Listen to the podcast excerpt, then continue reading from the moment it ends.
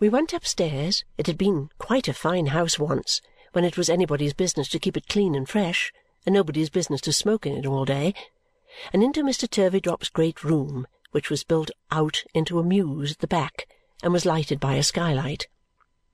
It was a bare, resounding room smelling of stables, with cane forms along the walls, and the walls ornamented at regular intervals with painted lyres and little cut-glass branches for candles, which seemed to be shedding their old-fashioned drops as other branches might shed autumn leaves. Several young lady pupils, ranging from thirteen or fourteen years of age to two or three and twenty, were assembled, and I was looking among them for their instructor when Caddy, pinching my arm, repeated the ceremony of introduction. "Miss Summerson, Mr. Prince Turveydrop." I curtsied to a little blue-eyed fair man of youthful appearance, with flaxen hair parted in the middle and curling at the ends all round his head he had a little fiddle, which we used to call at school a kit, under his left arm, and its little bow in the same hand. His little dancing shoes were particularly diminutive, and he had a little innocent, feminine manner which not only appealed to me in an amiable way, but made this singular effect upon me that I received the impression that he was like his mother and that his mother had not been much considered or well used. "I am very happy to see Miss Jellyby's friend," he said, bowing low to me. I began to fear, with timid tenderness, as it was past the usual time, that Miss Jellyby was not coming. I beg you will have the goodness to attribute that to me, who have detained her, and to receive my excuses, sir, said I. Oh, dear, said he. And pray I entreated, "do not allow me to be the cause of any more delay." With that apology I withdrew to a seat between Peepy, who, being well used to it, had already climbed into a corner place, and an old lady of a censorious countenance, whose two nieces were in the class, and who was very indignant with Peepy's boots. Prince Turveydrop then tinkled the strings of his kit with his fingers, and the young ladies stood up to dance. Just then there appeared from a side door old Mr. Turveydrop in the full lustre of his deportment. He was a fat old gentleman with a false complexion, false teeth, false whiskers, and a wig. He had a fur collar, and he had a padded breast to his coat, which only wanted a star or a broad blue ribbon to be complete. He was pinched in, and swelled out, and got up, and strapped down, as much as he could possibly bear. He had such a neckcloth on, puffing his very eyes out of their natural shape, and his chin and even his ears so sunk into it that it seemed as though he must inevitably double up if it were cast loose. He had under his arm a hat of great size and weight, shelving downward from the crown to the brim, and in his hand a pair of white gloves, with which he flapped it as he stood poised on one leg in a high-shouldered, round-elbowed state of elegance, not to be surpassed. He had a cane he had an eye-glass, he had a snuff-box, he had rings, he had wristbands, he had everything but any touch of nature. He was not like youth, he was not like age, he was not like anything in the world but a model of deportment. Father, a visitor, Miss Jellyby's friend, Miss Summerson. Distinguished, said Mr. Turveydrop by Miss Summerson's presence. As he bowed to me in that tight state, I almost believe I saw creases come into the whites of his eyes. My father, said the son aside to me with quite an affecting belief in him, is a celebrated character. My father is greatly admired. Go on, Prince, go on said Mr. Turveydrop, standing with his back to the fire and waving his gloves condescendingly. "Go on, my son!" At this command, or by this gracious permission, the lesson went on. Prince Turveydrop sometimes played the kit, dancing, sometimes played the piano, standing, sometimes hummed the tune with what little breath he could spare, while he set a pupil right, always conscientiously moved with the least proficient through every step and every part of the figure, and never rested for an instant. His distinguished father did nothing whatever but stand before the fire, a model of deportment. And he never does anything else, said the old lady of the censorious countenance. Yet would you believe that it's his name on the door-plate? His son's name is the same, you know, said I.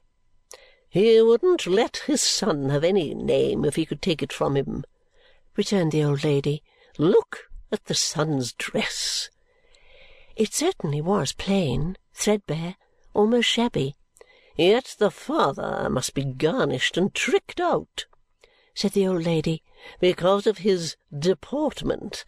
I'd deport him. Transport him would be better. I felt curious to know more concerning this person. I asked, Does he give lessons in deportment now? Now? returned the old lady shortly. Never did. After a moment's consideration, I suggested that perhaps fencing had been his accomplishment. I don't believe he can fence at all, ma'am, said the old lady.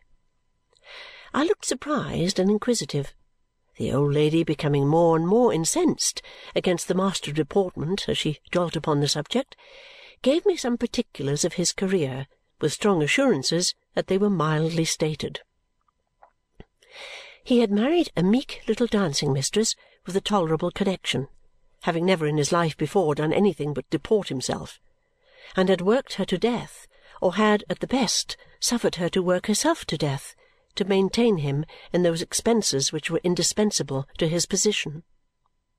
At once to exhibit his deportment to the best models and to keep the best models constantly before himself, he had found it necessary to frequent all public places of fashionable and lounging resort, to be seen at Brighton and elsewhere at fashionable times, and to lead an idle life in the very best clothes. To enable him to do this, the affectionate little dancing mistress had toiled and laboured and would have toiled and laboured to that hour if her strength had lasted so long. For the mainspring of the story was that in spite of the man's absorbing selfishness, his wife, overpowered by his deportment, had to the last believed in him and had, on her death-bed, in the most moving terms, confided him to their son as one who had an inextinguishable claim upon him and whom he could never regard with too much pride and deference.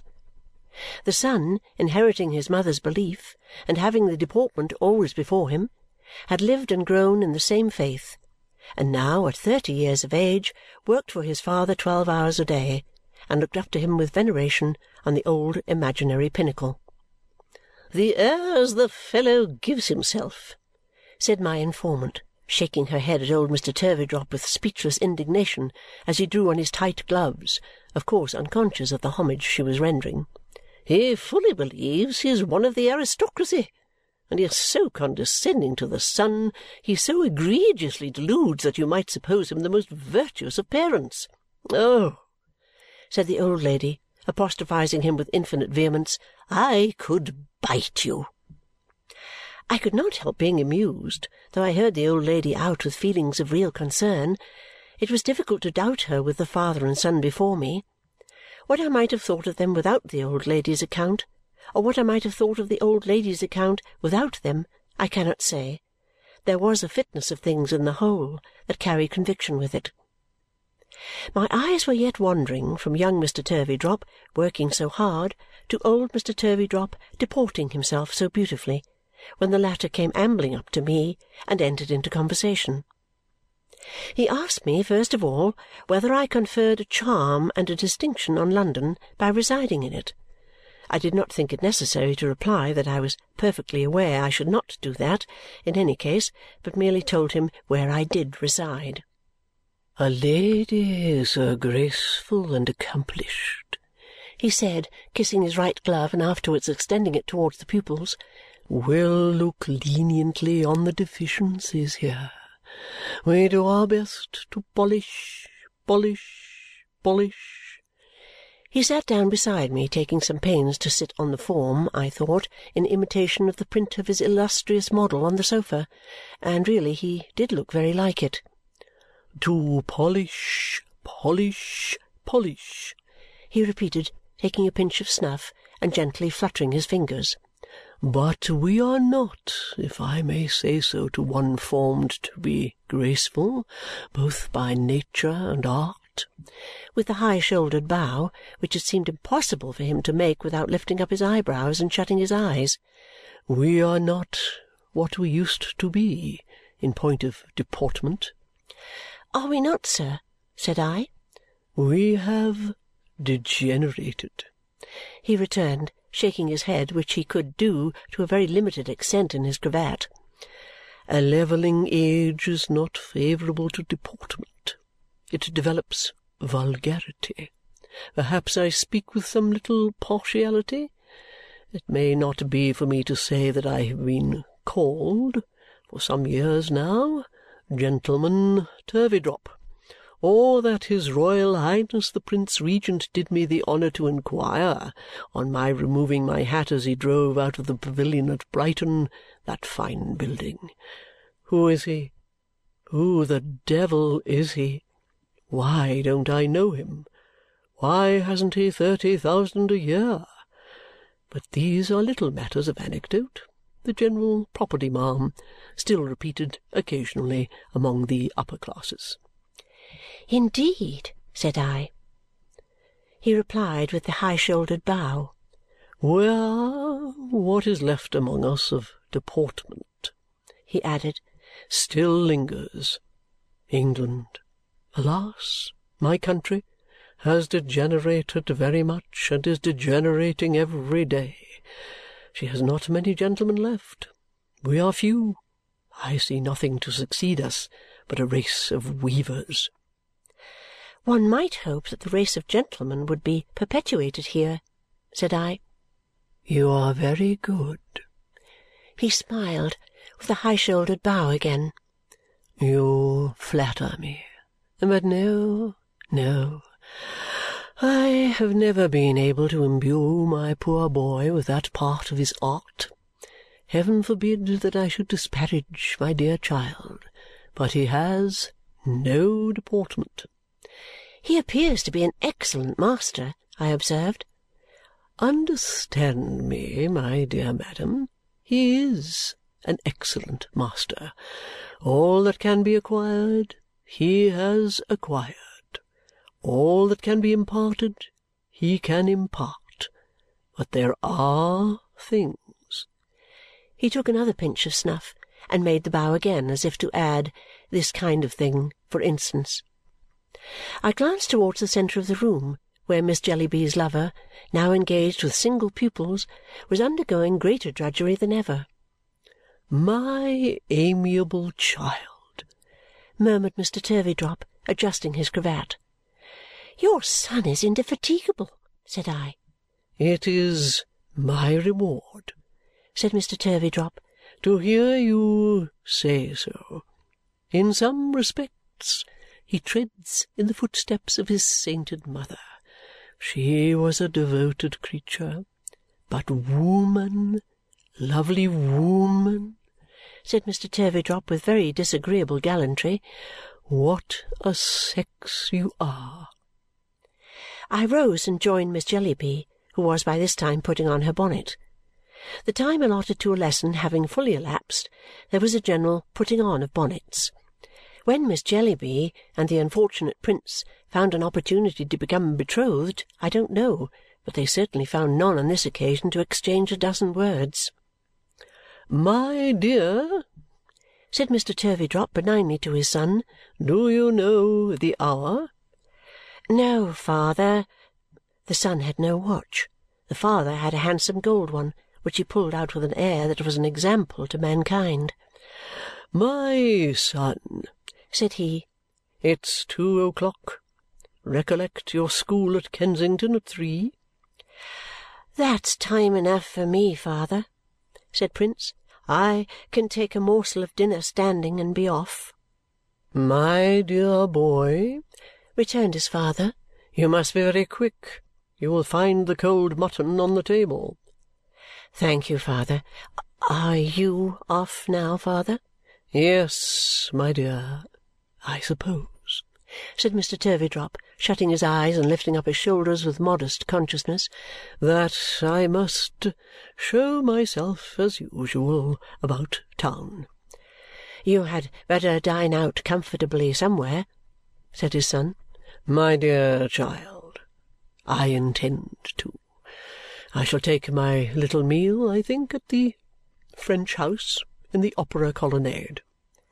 "That's right. Good bye, father," said Prince, shaking hands. "Good bye, my son. Bless you!"